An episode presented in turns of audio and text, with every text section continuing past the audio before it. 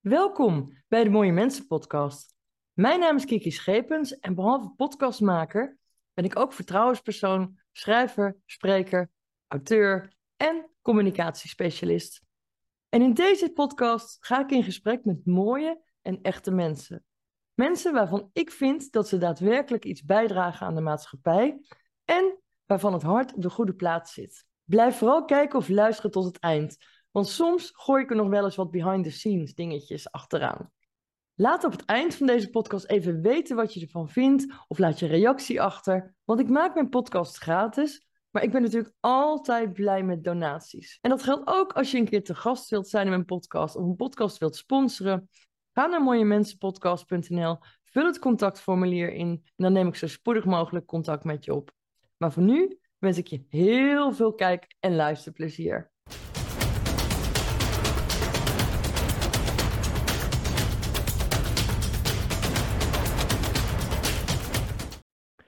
Als je te maken krijgt met een ingrijpende gebeurtenis in het leven, denk aan een auto-ongeluk, sextortion, suïcide, dan is er als volwassene eigenlijk best veel hulp te verkrijgen, in tegenstelling tot jongeren. En onze jongeren hebben het al niet makkelijk. Wat kun je doen? Wat kun je betekenen voor anderen? Nou, daarover ga ik in deze aflevering van de Mooie Mensen podcast in gesprek met iemand die 23 jaar werkzaam is geweest bij de politie en nu al enige jaren werkt als traumabegeleider, speciaal voor jongeren. Ik heb het over mooi mens Irene Kersten. En ik waarschuw je, ook dit is weer een aangrijpende aflevering. Heb je op enig moment gedachten aan zelfdoding? Neem contact op met 113 zelfmoordpreventie via 0800 0113. En voor kijkers of luisteraars vanuit België, neem contact op met de zelfmoordhulplijn 1813.be. Tja, en normaal gesproken wens ik iedereen heel veel kijk- en of luisterplezier. Maar ik wens jullie nu vooral een inspirerende podcast, een leerzame podcast, een boeiende podcast en eentje die waarschijnlijk best wel veel inzichten geeft. Met dank aan mooi mens Irene Kersten. Deze aflevering van de Mooie Mensen podcast wordt mede mogelijk gemaakt dankzij Aro Timmerfabriek BV. Want bouwen is vertrouwen.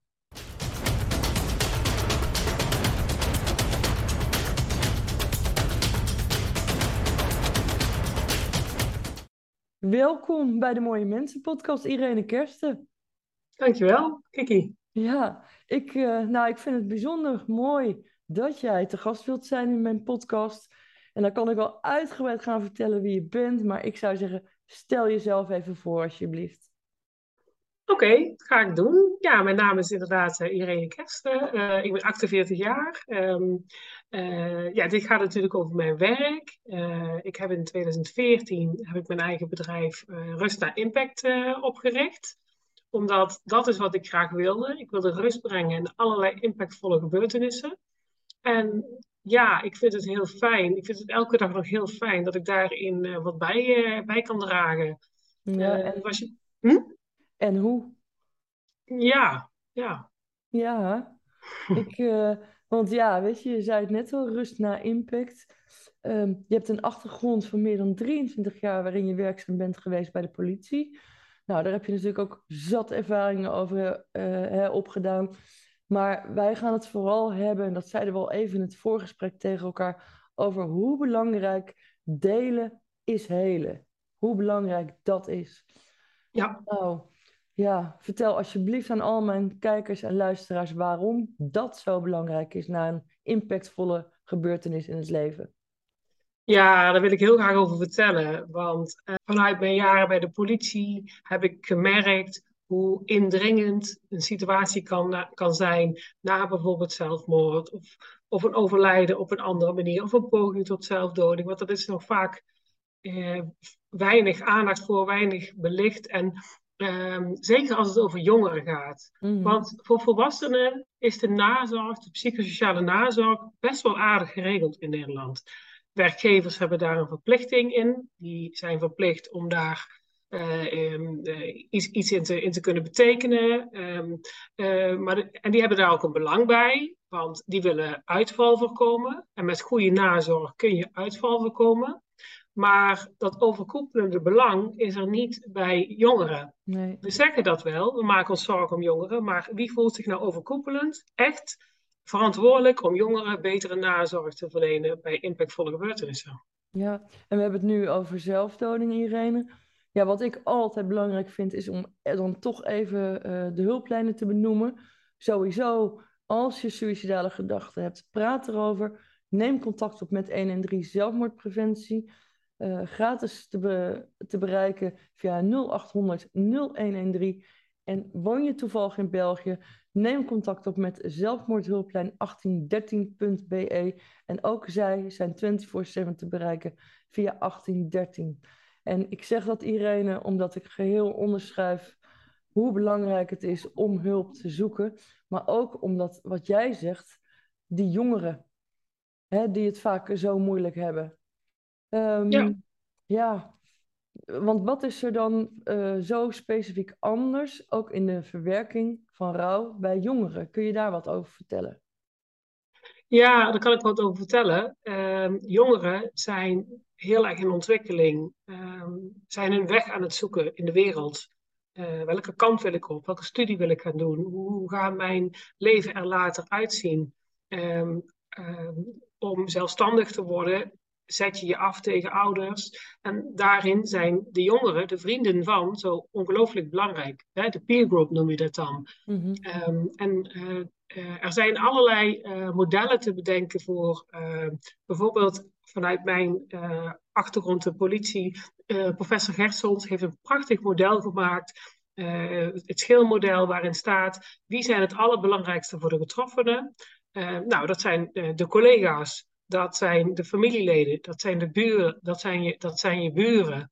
Um, en daarna komt er misschien collegiale ondersteuning. Daarna komt er een, een, een arts of een bedrijfsarts of een psycholoog of uiteindelijk een psychiater. Nou, ik heb de vertaling gemaakt naar jongeren. Wie zijn er het allerbelangrijkste voor jongeren? Nou, naast de familieleden is dat de peer group, zijn dat de vrienden van. Want op een bepaalde manier vind ik dat de collega's van. Nou, je bent samen vrienden, je maakt leuke dingen met elkaar mee. En als je de minder leuke dingen met elkaar meemaakt, dan vinden jongeren dat vaak heel ingewikkeld. En uh, ik spreek heel vaak over een eilandje van verdriet. Jongeren hebben heel snel de neiging om zich terug te trekken op hun eigen eilandje, met hun eigen gevoelens. En gaan ervan uit dat voor iedereen de wereld al doordraait, behalve voor hen. Dat vind ik zo eenzaam. Ja, en andersom ook. Hè? Het, het is als volwassene al heel moeilijk als je nabestaande bent van een suïcidant Um, en, maar voor een jongere, het is voor volwassenen al nauwelijks te bevatten als het je overkomt, maar voor jongeren natuurlijk helemaal. En voor iedereen om je heen gaat het leven door. En dat is ook logisch. Maar voor jou staat het even stil. Dus ik kan me voorstellen dat die impact op jongeren ja, nog groter is. Of, of zie ik dat verkeerd? Ja, um, hoe jongere mensen zijn, hoe overweldigender gevoelens kunnen zijn. Um, en uh, hun positie is ook heel ingewikkeld. Want als jou, het is vreselijk, als het gaat over jouw broer of over je ouders die zelfmoord hebben gepleegd, dat is natuurlijk verschrikkelijk. Uh, maar daar is wel meer erkenning voor dat het verschrikkelijk is. Als het jouw vriend betreft, uh, is er minder erkenning voor. Want wat is je positie? Zo zeg ik heel vaak um, dat jongeren, hoor ik dingen zeggen als. Uh, ja, voor zijn moeder, daar is het heel erg voor. Voor zijn broer en zijn zus, daar is het heel erg voor. Ja, ik, ik ben maar een vriend. Maar ik mhm. ben maar een vriend. Dat is super belangrijk bij je als vriend. En het vormt je ook. En het kan je heel negatief vormen. En ik vind het zo jammer als het jongeren het negatief vormt. Want je kunt ook een manier vinden dat het je positiever gaat vormen. Dat je de warmte voelt na een impactvolle gebeurtenis. In families hoor je vaak zeggen bij een verlies uh, het was vreselijk dat Ma was overleden. Maar we voelden de warmte met elkaar. We waren samen. We deelden de mooie herinneringen van vroeger. Die warmte, die hoor je niet zo vaak bij jongeren. Nee. Dat, nee, dus dat, daar voel je bij jongeren, hoor je achteraf vaak de eenzaamheid. En, en ook zo ontzettend zoeken in hoe, hoe, hoe kom ik hier nou mee vooruit? En om dat te zeggen, dat is ook super ingewikkeld als je jong bent. Ik weet het niet, ik kan het niet, het lukt me niet.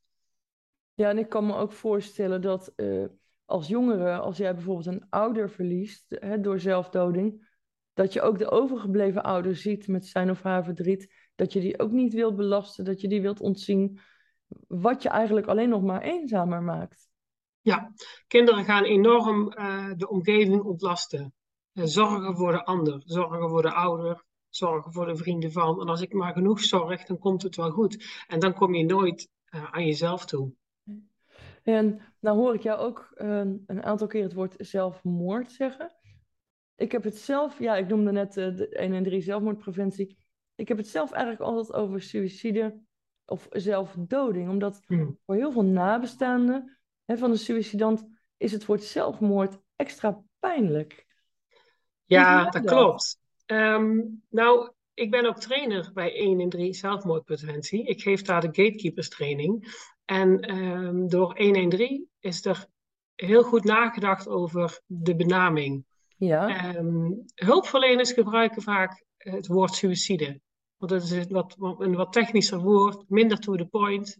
Nabestaanden spreken bij voorkeur over zelfdoding. Mhm. Maar de reden dat uh, 1 en 3 heeft gekozen voor het, voor het woord zelfmoord, is omdat blijkt dat jongeren, nou dat jongeren, dat, dat mensen in zijn algemeenheid die uh, met die gedachten rondlopen, als ze gaan googlen, gaan ze googlen op dat woord. Ja. En wie wil 1 en 3 bereiken? Dat zijn de mensen met de zelfmoordgedachten. Um, Overigens, als ik met jongeren werk, sluit ik altijd aan bij de benaming die zij gebruiken. Als zij het over zelfdoding hebben, heb ik het ook over zelfdoding. Als zij het over suïcide hebben, heb ik het ook over suïcide. Of als zij een wat omvloerstere term gebruiken, dan wil ik daar ook nog wel eens in meegaan. Hoewel ik wel belangrijk vind, als je deep down gedachten hebt, om dat wel specifiek te benoemen. Want dat is waar we het over hebben. En daar gaan we niet omvloerst mee om, want het is juist belangrijk om de kern te raken. Ja, ja helemaal eens. Um, want dat is ook wat jij doet. Hè? Jij, jij werkt onder andere met jongeren uh, na trauma-gebeurtenissen, uh, impactvolle gebeurtenissen.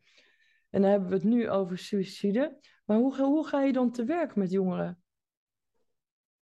Als ik, op het moment dat ik een groep jongeren bij me heb, um, uh, en we zijn bij elkaar, dat kan zijn in een kring, dat kan zijn in, in, in een hele andere setting dan ga ik, uh, nadat we bij elkaar zijn gekomen, dat we benoemd hebben waarom we bij elkaar zijn, dat het gaat om een verlies van een vriend, ga ik dat benoemen, dat we daarmee ook de vriend die is overleden eren. En dat het fijn is dat we het over hem, over haar mogen hebben. En dan ga ik eigenlijk eerst toetsen um, of we dezelfde informatie hebben. Mm -hmm. um, dus dan begin ik, ik begin met jongeren nooit met de vraag, hoe voel je je? Vertel eens iets over je emoties. Dat is veel en veel en veel te ingewikkeld. Hoe voel je je? Daar kun je toch geen antwoord op geven. Als er zoiets heftigs is gebeurd. En je gevoelens benoemen, dat is ook eigenlijk niet te doen. Dus wat ik vaak aan jongeren vraag is: Goh, hoe heb jij het nieuws vernomen?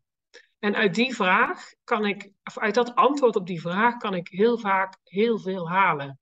Zo, uh, om, om twee uitersten te noemen. Ik maak het wel eens mee dat de jongere tegen mij zegt: Nou, ik was op een kamer. Mam kwam naar me toe. Die kwam bij me zitten, sloeg haar arm om mij heen en vertelde mij dat mijn vriend niet meer in leven was. Mhm. Versus iemand die zegt: Ik zat alleen op mijn kamer. Ik, uh, ik kreeg een appje. Ik begreep het niet helemaal. Ik zag iets op het nieuws. Ik hoorde iets. Ik, ik las iets op Instagram. Mijn ouders, nou, die waren niet. Die waren met zichzelf bezig. Mhm. nou, ik heb geen oordeel over ouders, maar daarin voel je wel uh, dat die jongeren erg alleen zat in dat niemandsland van wat is er nu eigenlijk gebeurd. En als het dan later blijkt dat het om je vriend gaat, is dat, voel je, kun je al gevoelig aannemen dat er een verschil zit in het steunsysteem. De eerste jongeren, daarvan kun je zeggen, nou, er is contact. Mm dat is dus belangrijk voor de steun die jongeren eh, nodig hebben. Nou, en daar kun je je bij de tweede vragen over stellen. Ja, en daarom is hele, delen is hele zo belangrijk, hè? Ja, samen uh, gevoelens kunnen uiten. Uh, zo stel ik ook wel eens vragen van, goh, wanneer heb jij hem voor het laatst gezien? En hoe was dat? Was dat een fijn contact? Hadden jullie het nog gezellig gehad? Of liep dat anders? En bij jongeren loopt dat ook wel eens anders. Jongeren hebben wel eens ruzie met elkaar, uh, we hebben misverstanden met elkaar. Het kan allemaal gebeuren. Maar als dat dan de laatste keer is geweest dat jij contact hebt gehad met je vriend, is dat wel, is dat wel heel erg heftig. En gaan die gevoelens ook heel snel naar binnen en als, naar, naar hun binnenwereld. En als jongeren dat met elkaar delen, ehm, dan, dan merk ik dat er, dat er heling komt vanuit de groep. Het is, het is wel fijn als, als jij als, e- als, als individu dat gevoel hebt en je merkt dat je vriendin hetzelfde gevoel heeft. Dan heb je samen dat gevoel. Eh, jongeren kunnen elkaars gevoel ook versterken. Daar waak ik altijd voor in de gesprekken. Mhm. Maar het samen delen, het niet zo alleen voelen, Ja. uitleg krijgen over hoe rouw werkt. Want er, in onze maatschappij is bijzonder weinig kennis over rouw. Dat zou je misschien niet zeggen met alle boeken die er zijn, maar dat is wel. En we gaan het ook graag uit de weg. Ja, en schuldgevoelens, hè, dat is ook vaak waar veel n- nabestaanden, en daar, daar beschouw ik in dit geval ook alle vrienden onder, enorm mee kampen. Ja, jongeren hebben heel vaak eh gedachten als: als ik mijn vriendin wat meer aandacht had gegeven, dan was het misschien niet gebeurd. Of bij een ongeluk, als ik nou ehm, dat of dat niet had gevraagd aan mijn vriend, of wel had gedaan, dan was het ongeluk misschien niet gebeurd. Ja, Mhm. dat, dat zijn hele heftige gedachten die, eh, die ik vrijwel altijd zie bij jongeren. Mhm. In meerdere of in mindere mate. En ehm, door dat uit te spreken en ehm, eh, dat dat er mag zijn, dat dat, dat dat hele ongemakkelijke gevoel er mag zijn, dan komt daarna ook meer het besef van, ja, ik heb zelf het idee, als ik had, wat had gedaan, dan was, ik, ik had het heel graag willen voorkomen. Ja, Ik had ja, het gewoon heel graag willen voorkomen. Nou, we hadden het allemaal willen voorkomen, maar helaas, we hebben het niet kunnen voorkomen. nee. En het ligt niet aan iets of iemand. Er ligt niet een oorzaak aan ten grondslag waarom iemand een ongeluk krijgt of uit het leven stapt. Nee, nee, nee. En je hebt het ook over groepen. Eh, hoe moet ik me dat voorstellen? Organiseer je dan een zaaltje of spreek je op scholen? Of... Ja, ik, ehm, ik word vaak gevraagd door scholen, omdat een school ehm, is vaak, ja, daar wordt dat zo gevoeld, het verlies van een leerling. Mhm. Ehm, en dan vinden de gesprekken vaak op een school plaats. Maar eh, ik vind ook dat we scholen er in zijn algemeenheid te veel mee laten zitten. Het is niet de verantwoordelijkheid van een school om jongeren nazorg te eh, leveren na een impactvolle gebeurtenis. Dat zou, dat zou een veel overkoepelendere verantwoordelijkheid moeten zijn, Mhm. bijvoorbeeld vanuit de gemeente. En helaas is dat nog eh, eh, eh, veel te beperkt het geval. Dus vinden de gesprekken vaak op school plaats. Maar Ja. het kan ook in een wijkgebouw. En eh, ook met regelmaat in een sport, op een sportclub. Ja. Als het gaat om het meisje uit het hockeyteam, of een jongen uit het voetbalteam, of, eh, of een eh, meisje uit het voetbalteam. Dan vinden de gesprekken daar plaats. Ja, en er zit natuurlijk ook een enorm verschil in leeftijd, hè? Of je nou met basisschoolleerlingen te maken hebt, of met het voortgezet onderwijs, eh, universiteiten. Ja, ieder heeft denk ik Ja. ook zijn eigen aanpak en gesprekstof nodig.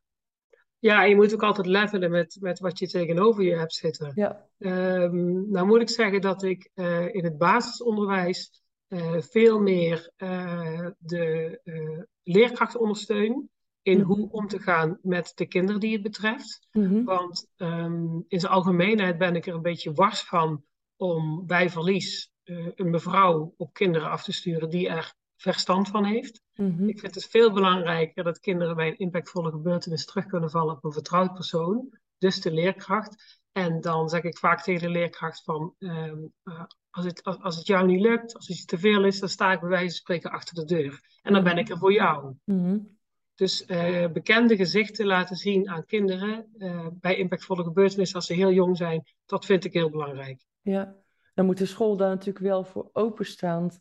Ja, ik zal je zeggen, ik heb het zelf meegemaakt, hè, dat ik eh, aan een docent van mijn zoon vroeg van, joh, zou je alsjeblieft, hè, er is lesstof voorhanden, kun je alsjeblieft een uurtje tijd daaraan besteden in de klas? Waarop zij echt letterlijk tegen mij zei, ja, ik heb meer te doen, wat denk je zelf? Nou, en ik voelde me toen als ouder zo in de kou staan. Ik vond dat zo harteloos, maar bovendien ook bijzonder schadelijk voor het kind zelf. Ja, ja. Ja. niet elke leerkracht heeft deze tools. nee. En eh, het kan zomaar zijn dat deze leerkracht zelf iets aan het vermijden is, het zelf heel lastig vindt om met dit onderwerp aan de slag te gaan. Ja, Eh, maar goed, ik wil ook terugkomen op wat ik net zei, dat ik ook vind dat we daar scholen te veel mee laten zitten. Dat in de ondersteuning naar scholen toe, ja, eh, daar zit wel wat verbetering. zeker. Ja. En ook, denk ik, Irene, in het stukje victim blaming. Hè, want je hoort natuurlijk ook regelmatig, en ook door de, de hele coronacrisis, dat ook de cijfers van sextortion, hè, een vrede vorm van cybercrime, eh, die zijn ontzettend gestegen. uh, sextortion, sexting, noem maar op. Mhm. Ook heel veel spelen onder jongeren. Evengoed traumatische gebeurtenissen. Hè? Ook als een jongere ehm, besluit om te kiezen voor de dood, wordt er ook heel gauw gezegd: het komt daardoor. Ja, heel ja. beschadigend. Jij en ik hebben Ja. daar een andere blik over, maar, op, maar vertel hem alsjeblieft.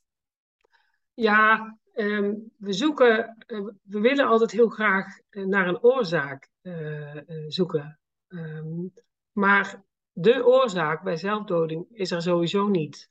Er zijn altijd, het is altijd een bepaalde stapeling die maakt dat iemand eh, deze keuze eh, heeft gemaakt. Ja. Ehm, eh, en wat we een jongere ook bieden, wat we een persoon ook bieden, we kunnen nooit zeggen als we dit en dat en dat gedaan hebben, dan pleegt iemand geen zelfmoord. Dat kunnen we dus gewoon niet zeggen. Nee, nee. En, en als daar ehm, eh, zoiets als sextortion aan vooraf is gegaan, dan, dan, dan heeft dat misschien invloed gehad. Dat zou zomaar kunnen. Ja. Maar het is nogal wat eh, om dan de wijzende vinger in jouw richting te krijgen. Ja. Eh, delen is hele doe ik overigens ook bij eh, allerlei zedensituaties.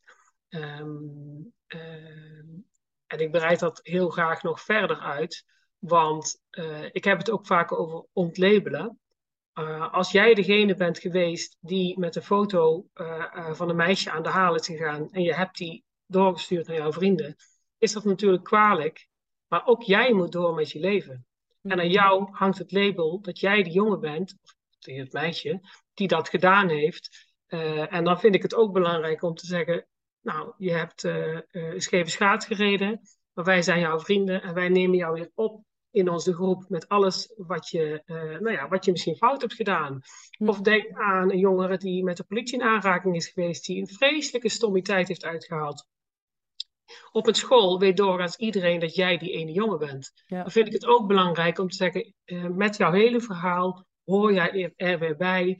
Uh, uh, we nemen jou weer op in onze groep en wij ontlabelen jou. Het label van je bent de jongen die de scheve schaats heeft gereden, kunnen we samen achter ons laten. Ja. Um, Ja. ja. dus ja, dat, dat, dat valt heel, op heel veel manieren naar te kijken. Ja, want ook die, die victim blaming, hè, dat, ehm, ik vind het zelf ontzettend goed dat daar steeds meer aandacht voor is. Want je kunt niet zomaar zeggen, die of die heeft het gedaan. Of, en natuurlijk is het in bezit hebben van eh, foto's of beelden van minderjarigen, is een strafbaar feit. Maar ik zou dan denken, ja, laat dat aan de kinderrechter over om te over te oordelen. Maar wat jij zegt, het zou zomaar kunnen dat als iemand niet wordt opgenomen in een vriendengroep of in een groep, ja, dat die iemand, die persoon alsnog zijn leven Mm -hmm. ja, waardeloos wordt of dat hij zelf nog verder de criminaliteit ingaat of wat ook. Hoe zie jij dat? Ja, dan wordt het eilandje van verdriet bij zo'n persoon uh, enorm, enorm versterkt. Ja. Um, ja, dat is wat ik eigenlijk daarnet zei. Dan vind ik het dus ook belangrijk dat iemand daar een punt achter kan zetten en kan erkennen, ja, ik heb dit niet handig gedaan. Nee, dit is ontzettend fout geweest van mij. Maar is er voor mij ook een weg terug? Ja. En ik vind dat we daar als volwassenen uh, samen verantwoordelijk voor zijn. Dat voor zo iemand ook uh, een weg uh, terug is. Um, ja. ja, victim blaming vindt doorgaans plaats bij het slachtoffer. Als je slachtoffer bent van een, van een zedendelict, dan wordt vaak om ook dat, dat gevoel van het kan mij ook overkomen van je af te houden, kun je zeggen, je had niet zo laat naar huis moeten fietsen. Ja. Je had niet met dat korte rokje over straat moeten gaan. Dus je hebt het een beetje zelf in de hand gewerkt. Nou, dat, is, dat is super beschadigend voor een slachtoffer. Ja. Um, uh, en heel, heel gek gezegd, als jou iets heel heftigs overkomt en er staat een heel cordon aan mensen voor jou klaar en die zegt, kom maar heel lieve schat, met alles wat jij mee hebt gemaakt, die slachtoffers komen er wel. Maar vaak gaat het zo niet.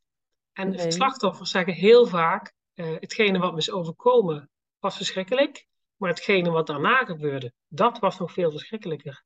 En hetgene wat iemand... Hm? Nou, ik wou zeggen, eigenlijk krijgen mensen dan nog eens een trauma erbovenop. Dat is, het wordt dus ook secundaire traumatisering genoemd. Ehm, dat, dat is zo spijtig. En dat jongeren nare dingen overkomen, daar kunnen we vaak niet zoveel aan doen. Maar eh, de reactie erop, die erop volgt, daar kunnen we wel iets aan doen. En daar zet ik me met delen is hele ook voor in. Oké, laten we anders met deze situatie omgaan. Want als je dat, als je dat benoemt van hé, hey, zo komt het over op, op een ander, dan komt er vaak heel veel begrip. Er staan jongeren gewoon niet bij stil. En we doen het met z'n allen, zeker bij zedenzaken, om het verder van je af te houden. Want mhm. als je kunt zeggen, het komt omdat je dat korte rokje aan hebt gehad, kun je zeggen, nou, ik heb zo'n kort rokje niet aan, dus mij gaat het niet overkomen. Nee, het kan ons dus allemaal overkomen. Ook met of kort, met kort rokje of zonder kort rokje. We zijn daarin gewoon kwetsbaar. Ja. En die kwetsbaarheid willen we liever niet voelen. En betrek je dan eh, de ouders daar ook bij? Want eh, ja, je hoort ook vaak van ouders die als eerste reactie zeggen van ja, wie doet dat dan ook? Hè? Of ja, kluns, dan had je dat niet moeten doen. Betrek je die ouders dan ook in zo'n proces van delen is helen? Ja, het liefst wel. Ehm, eh, het, het, ligt een beetje aan of ik de mogelijkheid krijg. Maar ik heb uh, mooie nazorggesprekken gevoerd met jongeren. En toen kwam ook de vraag van ouders. En toen ben ik ehm, met de, de, ouders die ik smiddags, de, de jongeren die ik smiddags zag, daarvan zag ik s'avonds de ouderen, de ouders. En uh, die konden ook vragen stellen. En dat zijn soms best wel basale vragen over hoe ga ik om met mijn jongeren. Of met mijn, met mijn zoon of met mijn dochter. En dan kun je dat soort dingen ook aan bod brengen. Van, god, dit is, dit is nu gebeurd. Ik heb het met een zedenzaak gedaan. Uh, het, hele dorp was uh, ontredderd. En daar uitleg over gegeven wat dat met iemand doet als je dus dat oordeel velt. En dan zeggen ouders, ik had daar gewoon helemaal niet bij stilgestaan. Nee. En we doen dat we doen dat niet altijd zo bewust. Het is niet altijd zo, zo, zo kwalijk bedoeld, maar de impact is heel groot als het gaat om impactvolle gebeurtenissen. Je kunt zo wel eens een grapje maken tegen iemand en er is helemaal niks mis mee. Maar als je hetzelfde grapje maakt tegen iemand die net um, een vreselijk, iets vreselijks is overkomen, dan, dan, dan komt dat heel erg hard binnen. Ja, en uh, heb jij zo even in het kort, hè, want ik, ik kan me voorstellen dat je anderhalf uur adviezen zou kunnen geven. Maar heb jij in het kort adviezen voor bijvoorbeeld ouders van kinderen die het overkomt, maar ook van ouders van zeg maar uh, de vriendjes van wie het overkomt? Tips aan ouders van jongeren die, het, die iets naars overkomt, is algemeenheid, uh, een, een zedendelict het sleutelwoord is, denk ik toch wel, aansluiten bij wat die ander nodig heeft. Als je als ouder tegen je jongen, tegen je kind kunt zeggen: Kom maar hier, lieve schat. Uh, bakje koffie, bakje thee, even zitten, vertel eens. Mhm. Ehm, en kom niet zelf met de oplossing. Vertel eens. Wat heb jij nu nodig? Ja. En, um, um, uh, maar wat we vaak doen, is uh, vragen stellen. vragen stellen, Ehm, nog een vraag stellen, nog een vraag stellen. Het, het hoofd is al overprikkeld. Uh, en de enige vraag die je uh, kort na een impactvolle gebeurtenis moet, eigenlijk moet stellen is: wat heb je nodig? Ja. En luister dan naar het antwoord. En stel niet een volgende vraag voordat iemand um, uh, de ene vraag heeft kunnen beantwoorden. Ja, en daarom is rust na impact zo belangrijk. Ja. Ja. Ja. En, ja. ja, nou hadden we het over suïcide over sextortion. Uh, maar er zijn altijd nog andere traumavolle gebeurtenissen uh, waar ik me zo voor bij kan stellen dat jij ook, uh, ja, dat, dat mensen jou ook inschakelen. Ja, ik doe dit veel voor bedrijven bij, een, bij een, ongeluk, een ongeluk op de bouw. ja, het is nogal wat als je samen de werkdag bent gestart. En die dag die loopt totaal anders. Die loopt dramatisch af. Um, dan word ik ingezet. Um, of um, laatst werd ik nog gevraagd door een bedrijf, uh, een heel jong, uh, trendy bedrijf, uh, heel close met elkaar, een hecht team. En iedereen was heel goed met de manager. En dan moet de manager op enig moment vertellen dat hij ongeneeslijk ziek is. Ja. Hoe ga je daar als team mee om? En dan merk je ook uh, dat dan kom, ik, dan kom ik op zo'n locatie en dan ga ik voelen wat mensen nodig hebben. Dan heb ik één op één gesprekken, dan heb ik gesprekken, gesprekken met de hele groep. En dan krijg ik uh, een paar dagen later het bericht. Sinds jij bent geweest, zijn we opener naar elkaar. Uh, en we, voelen we meer verbinding. en dat is wat ik heel belangrijk vind. Als je iets impactvols meemaakt op het werk, of het, het, het, ziek zijn van je, van je manager, dat is een situatie die hoort bij jouw werk, die hoort niet bij jouw privé-situaties. Privé snappen mensen het ook niet altijd. Mhm. Maar als dat verdriet er op het werk mag zijn, dan ben je graag op het werk. En als dat verdriet er op het werk niet mag zijn, dan dat zijn de mensen die de volgende morgen de wekker afslaan, het dekbed over het hoofd trekken en zeggen: Ik meld me wel ziek. Wat je absoluut niet moet willen als werkgever, is dat mensen na een impactvolle gebeurtenis uit gaan vallen. Dan ben je ze kwijt, dan heb je er geen zicht op. Ik maak het ook vaak mee dat mensen zeggen: Ik, heb, uh, ik, ga, ik, ga, ik neem een andere baan. Het is heel prima dat je dadelijk een andere baan neemt, maar wat je nu te helen hebt, uh, heb je te helen in je huidige plek. En daarna kun je verder zien. Maar dat zijn ze vaak aan het ontlopen. Ja, helaas. Ja. Ik, weet dat er ook een uh, petitie ingediend is een tijd terug. Die is niet aangenomen, maar voor rouwverlof uh, op het werk. Hè? Dat als je inderdaad een partner of een kind verliest. Als je, als je zwanger bent, krijg je zoveel maanden zwangerschapsverlof, zorgverlof. Terwijl als jij een partner of een kind of een ouder verliest, dat kan even goed ja, dan heb je ook gewoon tijd nodig. Dan kun je niet na zes dagen pak een beetje weer gewoon vol aan het werk.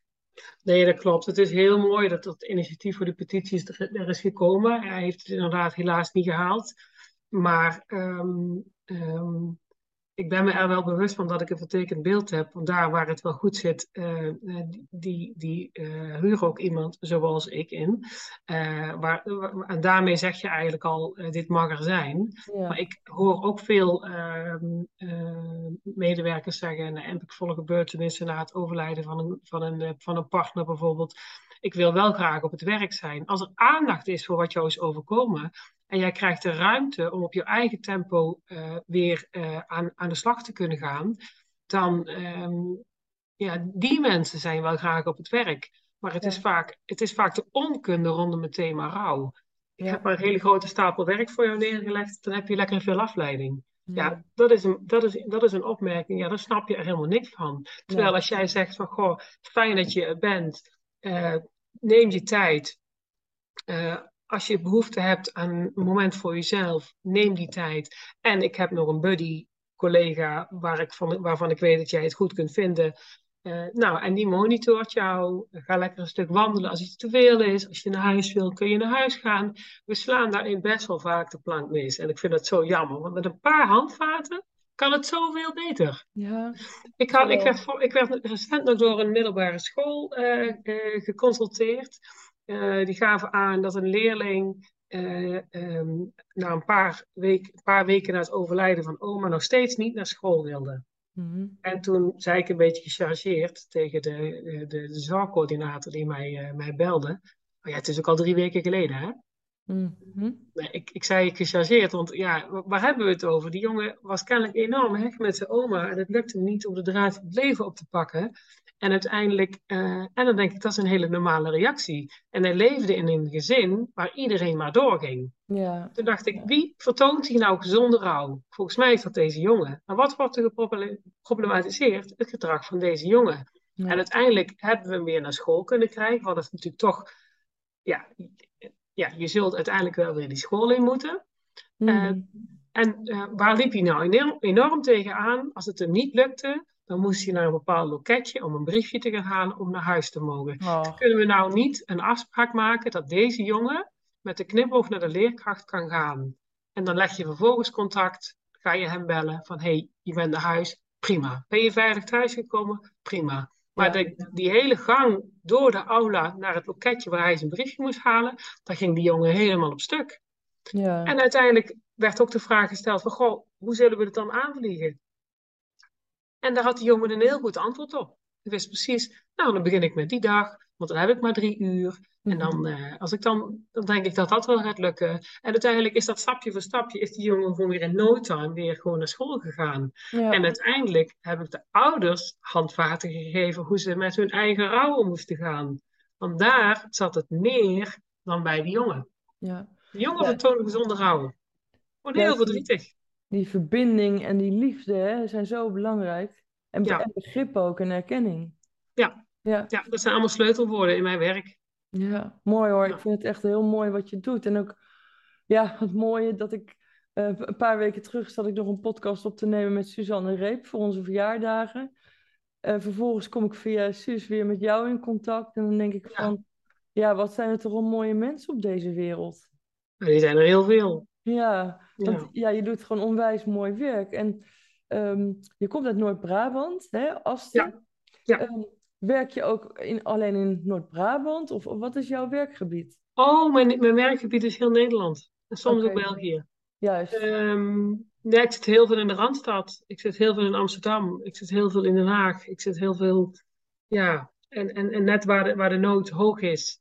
Um, nee, ik, zit, ik ben absoluut niet aan Brabant gebonden. Dat, is natuurlijk wel, uh, dat zijn wel maar goed. Ik, ik zeg het ook heel vaak tegen mensen. Dan, dan zeggen ze iets heel, heel vertrouwds tegen mij. En dan zeg ik, nou, die woorden, die gaat niet naar jouw manager. Die neem ik mooi mee naar Brabant. En dan blijven ze. Ja, ja, ja mooi. Dat, is ah. wel, uh, dat is wel mooi.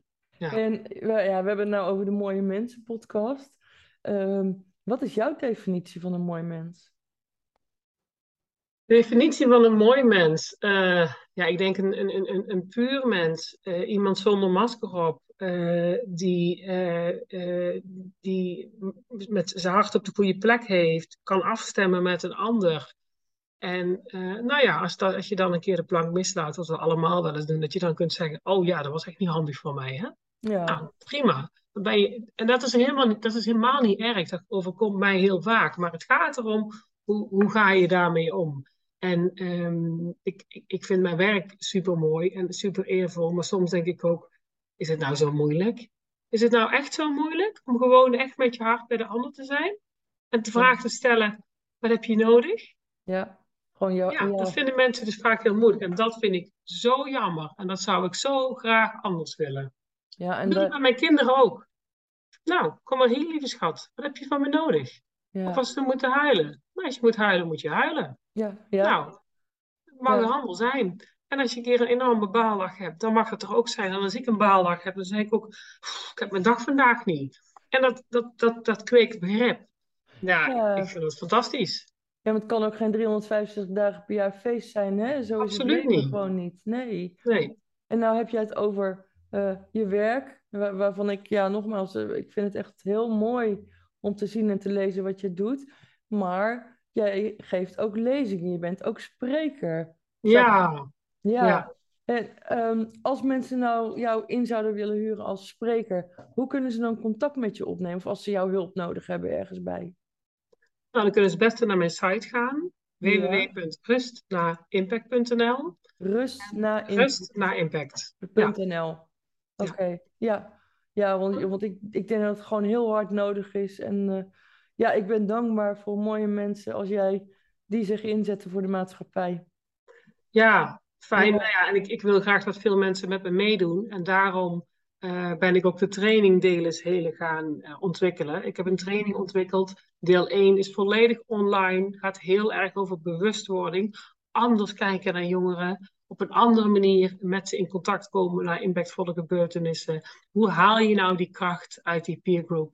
En deel 2 uh, is online en live. Um, komen bij elkaar en dan leer ik je hoe je dat, hoe je dat kunt doen. Hoe ga je nou in gesprek met een groep jongeren die overmand zijn door emoties? Want um, daarin is nog best wel wat handelingsverlegenheid ik hoor te vaak maatschappelijk werkers zeggen, mensen van een sociaal werkteam, ja, ik ben meer gericht op één op één. Ja, dat is logisch, want dat zijn eigenlijk alle hulpverleners, zo worden hulpverleners uh, opgeleid. Mm -hmm. Maar mhm. ik wil graag um, uh, meer uh, jongeren als groep de hand reiken. Uh, zodat je die kracht uit die groep haalt. Zodat je niet allemaal, uh, niet iedereen hoeft één op één in, in therapie na een impactvolle gebeurtenis. Absoluut niet. Maar met dat handvaten, en die handvaten die geef ik je graag in mijn training. En ja, ik geef uh, inspiratiesessies om DLS hele meer onder de aandacht te brengen en scholen aan te zetten tot, tot anders kijken naar jongeren die, die heftige dingen zijn overkomen. Ja. ja, ik vind het fantastisch nogmaals. En meestal vraag ik even, mijn laatste vraag is, heb je nog een laatste boodschap voor mijn kijkers of luisteraars. Maar eigenlijk heb je die al een beetje gegeven. Hoe ja. moeilijk kan het zijn? Ja. Hè, om even die aandacht, die hand uit te reiken. Ja. Of is er nog iets dat je daaraan toe wilt voegen, Irene? Ja, ik wil er nog iets aan toevoegen en dat is eh, dat ik heel vaak de opmerking krijg dat iets van een ander goed bedoeld is. Ja, Dat is natuurlijk hartstikke mooi, want enerzijds zeg ik altijd, als je iets echt uit een goed hart doet, doe je nooit het verkeerde. Maar be- ben je er wel van bewust dat dingen die goed bedoeld zijn, doorgaans vanuit jouw eigen frame komen, vanuit jouw eigen behoeften. ja, En het is nou net zo belangrijk om een ander te vragen, wat is jouw behoefte? Wat vind jij belangrijk? Als ik het fijn vind om naar iets naars eh, te gaan hardlopen, is dat omdat ik dat heel graag doe. Maar het gaat er nou net om, wat wil die ander graag? En ja, wat is een manier van jou om te ontspannen? En hoe kunnen we jou erbij helpen dat je dat, eh, dat je dat voor elkaar krijgt? Dus ja, ben je ervan bewust dat goed bedoeld vanuit jouw eigen frame komt? ja. En het, eh, hoe goed bedoeld ook dat het niet altijd noodzakelijk goed hoeft te zijn voor de ander, voor wat de ander Nee. nodig heeft. Ja, Ik vind dat een hele mooie toevoeging. Ja. oké. En dan, eh, ja, tot slot, Irene, wil ik jou dan ontzettend danken voor jouw mooie en wijze woorden in deze podcast. Ehm, ik hoop ook echt dat mensen daar wat aan hebben en dat we samen op deze manier de wereld een stukje mooier hebben kunnen maken. En ik wens jou echt alle succes met alles wat je doet en vooral natuurlijk met rust na impact. Dankjewel, uh, Kiki, dat ik in jouw uh, mooie mensen podcast mag. Ja, terecht denk ik. Ik vind je een mooi mens en ik wens je echt Ah. alle goeds. Dankjewel, Irene. Dankjewel, Kiki. Oké, tot de volgende keer. Tot de volgende keer. Bye bye. Bye. Bye. Dankjewel voor het kijken of luisteren naar de Mooie Mensen podcast. Als je het leuk vond, laat even je reactie achter. Geef even een duimpje omhoog. Laat even weten wat je ervan vindt. En voor meer informatie of om andere podcasts terug te zien of te beluisteren, ga je naar mooiemensenpodcast.nl. Want daar vind je nog veel meer van mijn podcasts. En als je een keer te gast wilt zijn of een aflevering wilt sponsoren, als je toch op mijn website bent, vul even het contactformulier in, want dan neem ik zo spoedig mogelijk contact met je op. mooiemensenpodcast.nl Ik bedank je nogmaals voor het kijken of luisteren en graag tot de volgende keer.